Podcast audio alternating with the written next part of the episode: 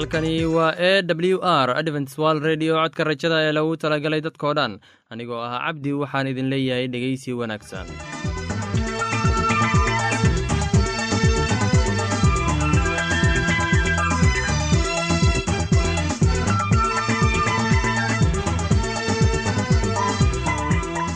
Barnaamijyadeena maanta waa laba qaybood. Qaybta kuwaad waxaad ku maqli doontaan barnaamijka nolosha qoyska. Kadib waxaa inoo raaci doonaa cashar inaga yimid bugga nolosha dhegeystayaasheenna qiimaha iyo qadarinta mudano waxaan filayaa inaad si habboon u dhegeysan doontaan. Haddaba haddii aad qabto wax su'aal ama talo iyo tusaale oo ku saabsan barnaamijyadeena maanta fadlan inala soo xiriir. Dib ayaynu kaga sheegi doonaa ciwaanka yagu balse intaynan u guuda gelin barnaamijyadeena xiisaa leh. Waxaad marka hore ku soo dhowaataan. Heestan daabacsan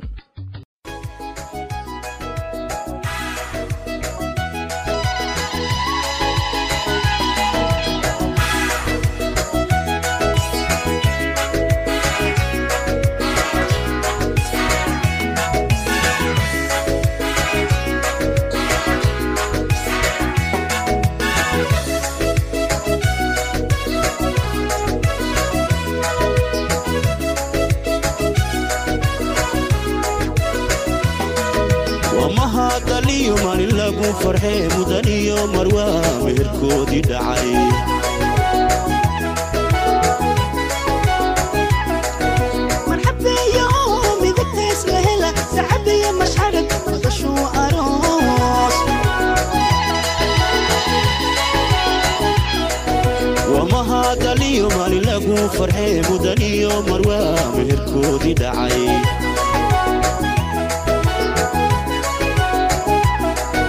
marxabeeyo midagtays la hela sacabiyo mashxarag madashuu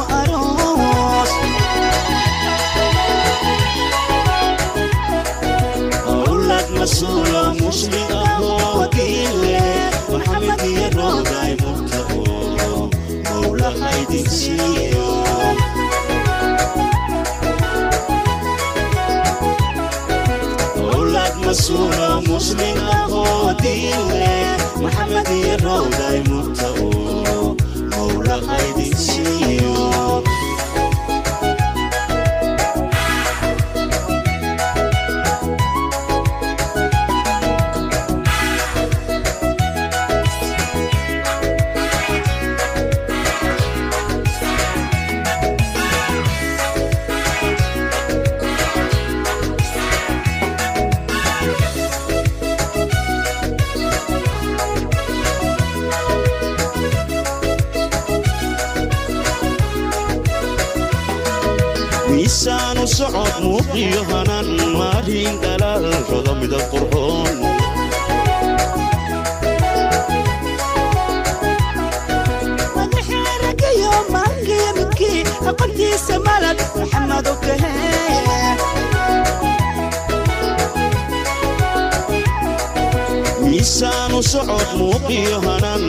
maarin dhalaal roda midab qurxoon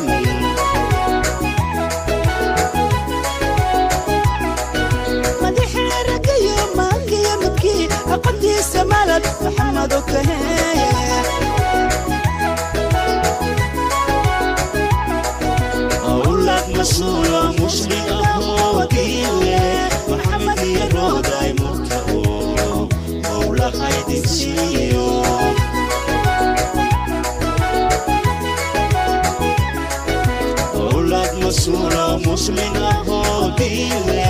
maxamed iyo rooday murta oo mowla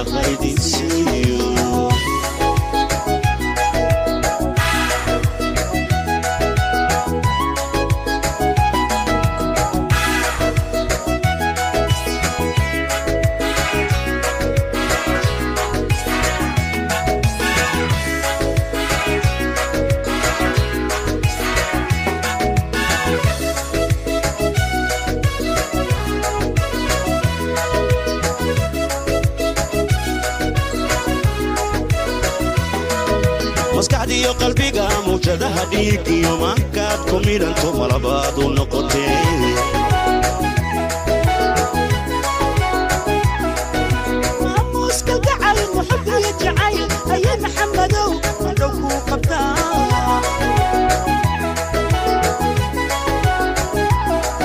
maskaxdiyo qalbiga mawjadaha dhiigiyo maankaad ku midhanto malabaad u noqotee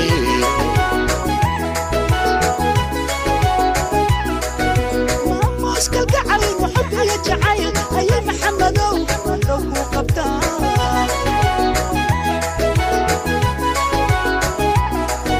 awlad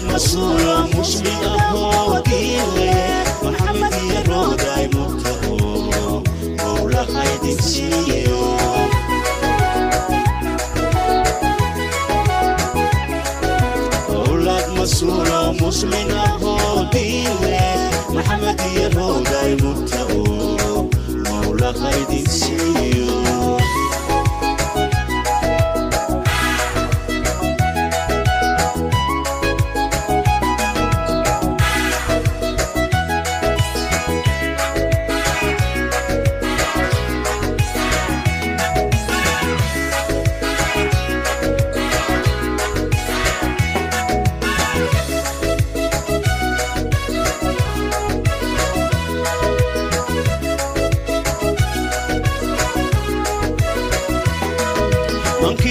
iftiin u bixii mandheer iyo laas qoray ka muuqda midhibsiga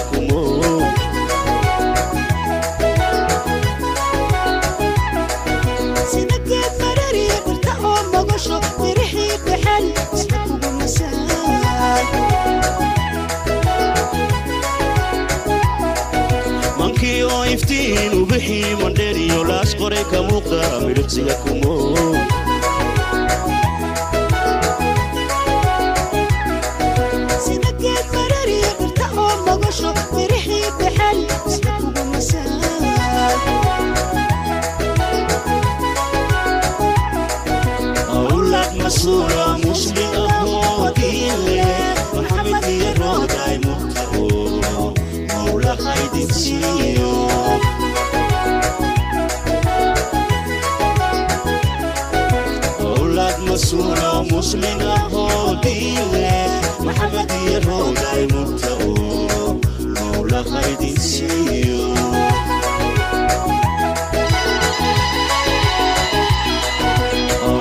masuulo muslim ahoo diile maxamed iyo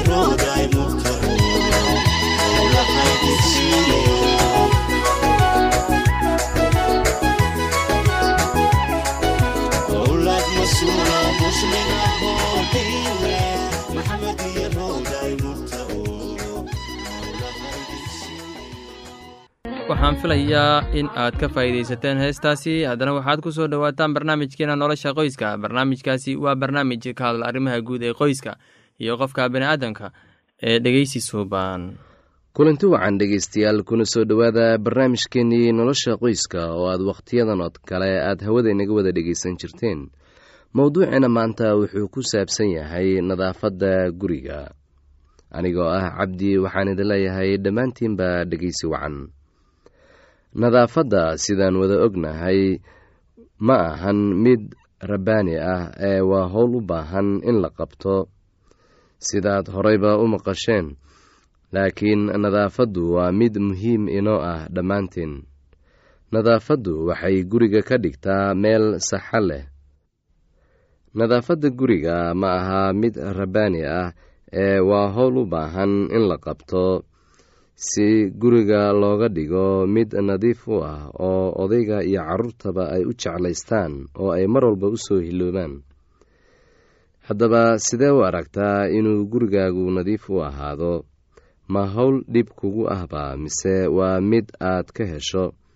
Waxaa laga yaabaa in aadan jeclaysan oo aad dib u dhigato hawsha adoo waxyaabo kale qabanaya ilaa fiidka laga gaaro oo aad markaa ogaato inaadan hawshii qaban. Xaawo oo mar walba ku andacota anigu mar walba howl badan ma qabto. Oo marka aan qabtana maalinta xigta gurigu wuxuu noqdaa wasaq. Anigu waxaan leeyahay guri qurux badan laakiin garan maayo sidii aan si fiican ugu nadiifin lahaa haweeneyda xaawo la yidhaahdo way saxan tahay waayo gurigu mar walba nadiif ma ahaan karo. Maalintaad nadiifiso waxaa laga yaabaa maalmo kadib in uu haddana sidiisii oo kale noqdo. Waxaa dhici kartaa in aad ka niyad jabto waayo mar walba oo guriga cunto lagu kariyo ama howl kale lagu qabto wasaq ayaa soo kororta sidaa darteed nadaafaddu waa mid loo baahan yahay in laga dhigo mid joogto ah maadaama cunto iyo waxyaabo kale guriga lagu hayo. Adigu garan maysid sida guriga loo nadiifiyo oo raashin fiican miiska loo dhigo. Haweenka guriga hagaajiya qaarkood waxay jecel yihiin in ay hawshooda dib u yaro dhigaan qaarna garan ay maayaan sida loo nadiifiyo gurigooda oo kuwo kalena waxba lama aha shaqada nadaafadda guriga oo way la fududahay waxayna jecel yihiin in ay mar walba si wanaagsan oo niyad ah guryahooda ooga shaqeeyaan. Maxay guri hagaajiyayaal badani ay u joojiyaan inta badan nadaafadda marka shaqo badan u taallo? Waxaa dhici kartaa in ay guriga u yaalaan alaab badan alaabta badani waxay keenaysaa nadiifitaan badan.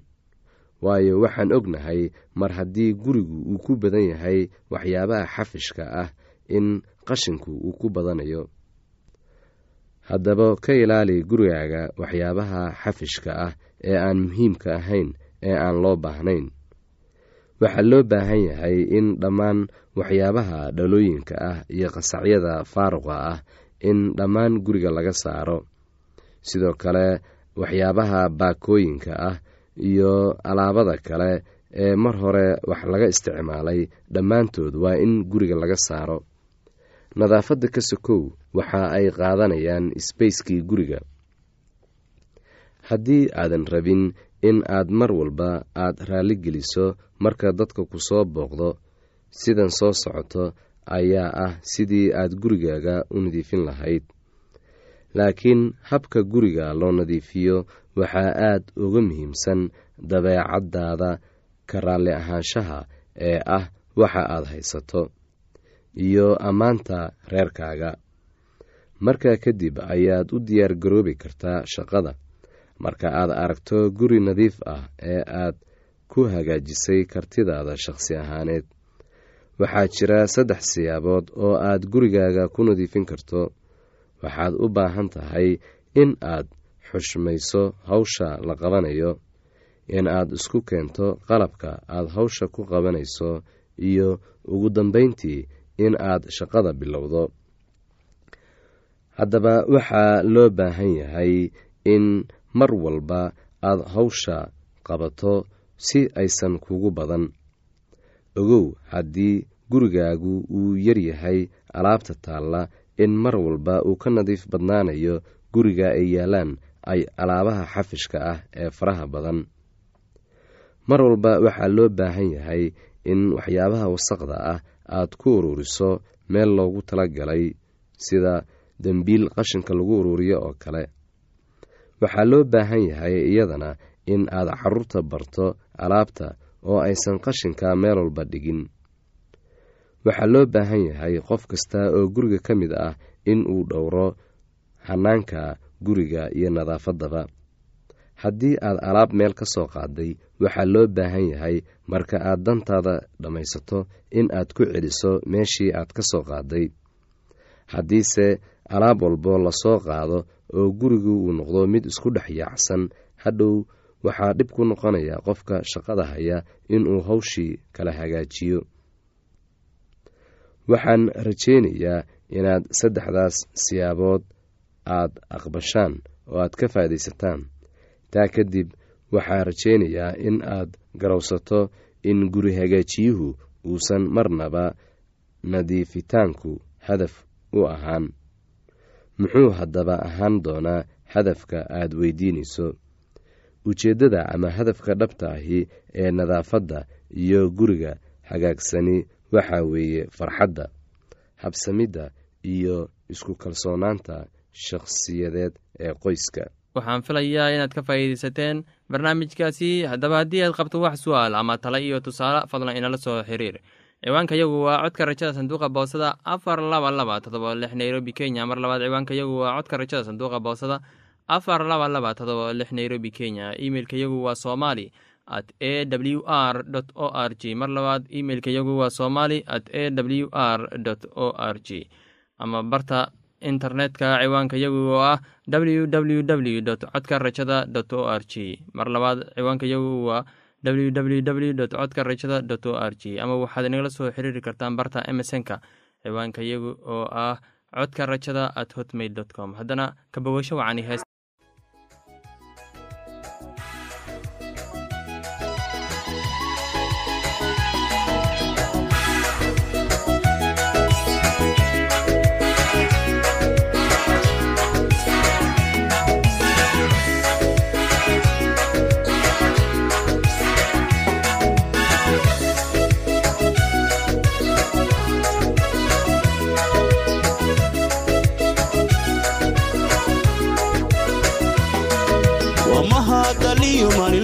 farxee mudan iyo marwaa meherkoodii dhacay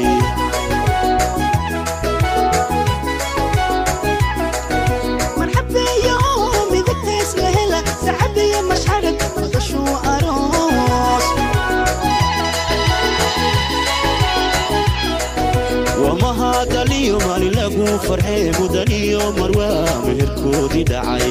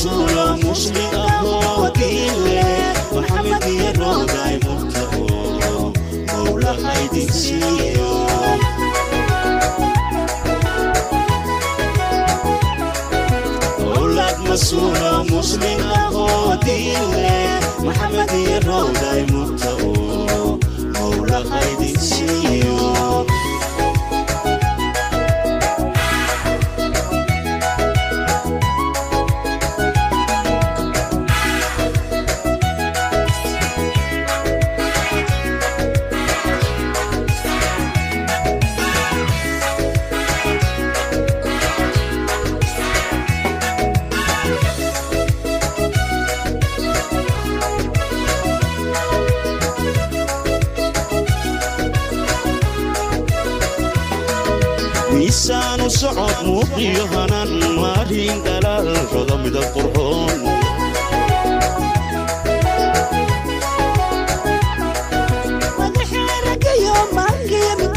aqoontiisa malad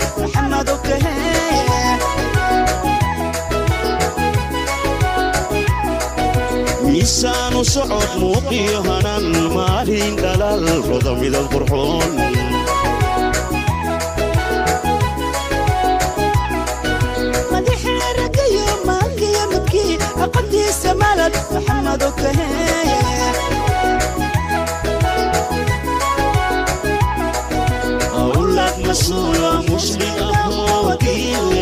maxamed iyo rooday murta oo mowlahaydin siiyo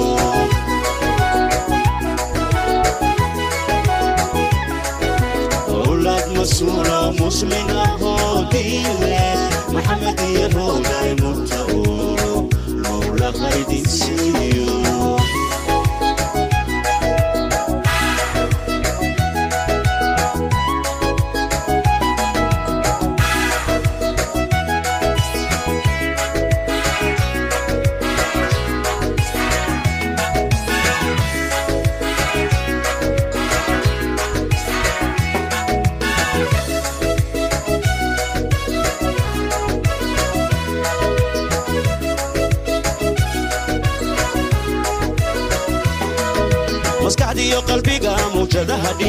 maankaad ku midhanto noqotee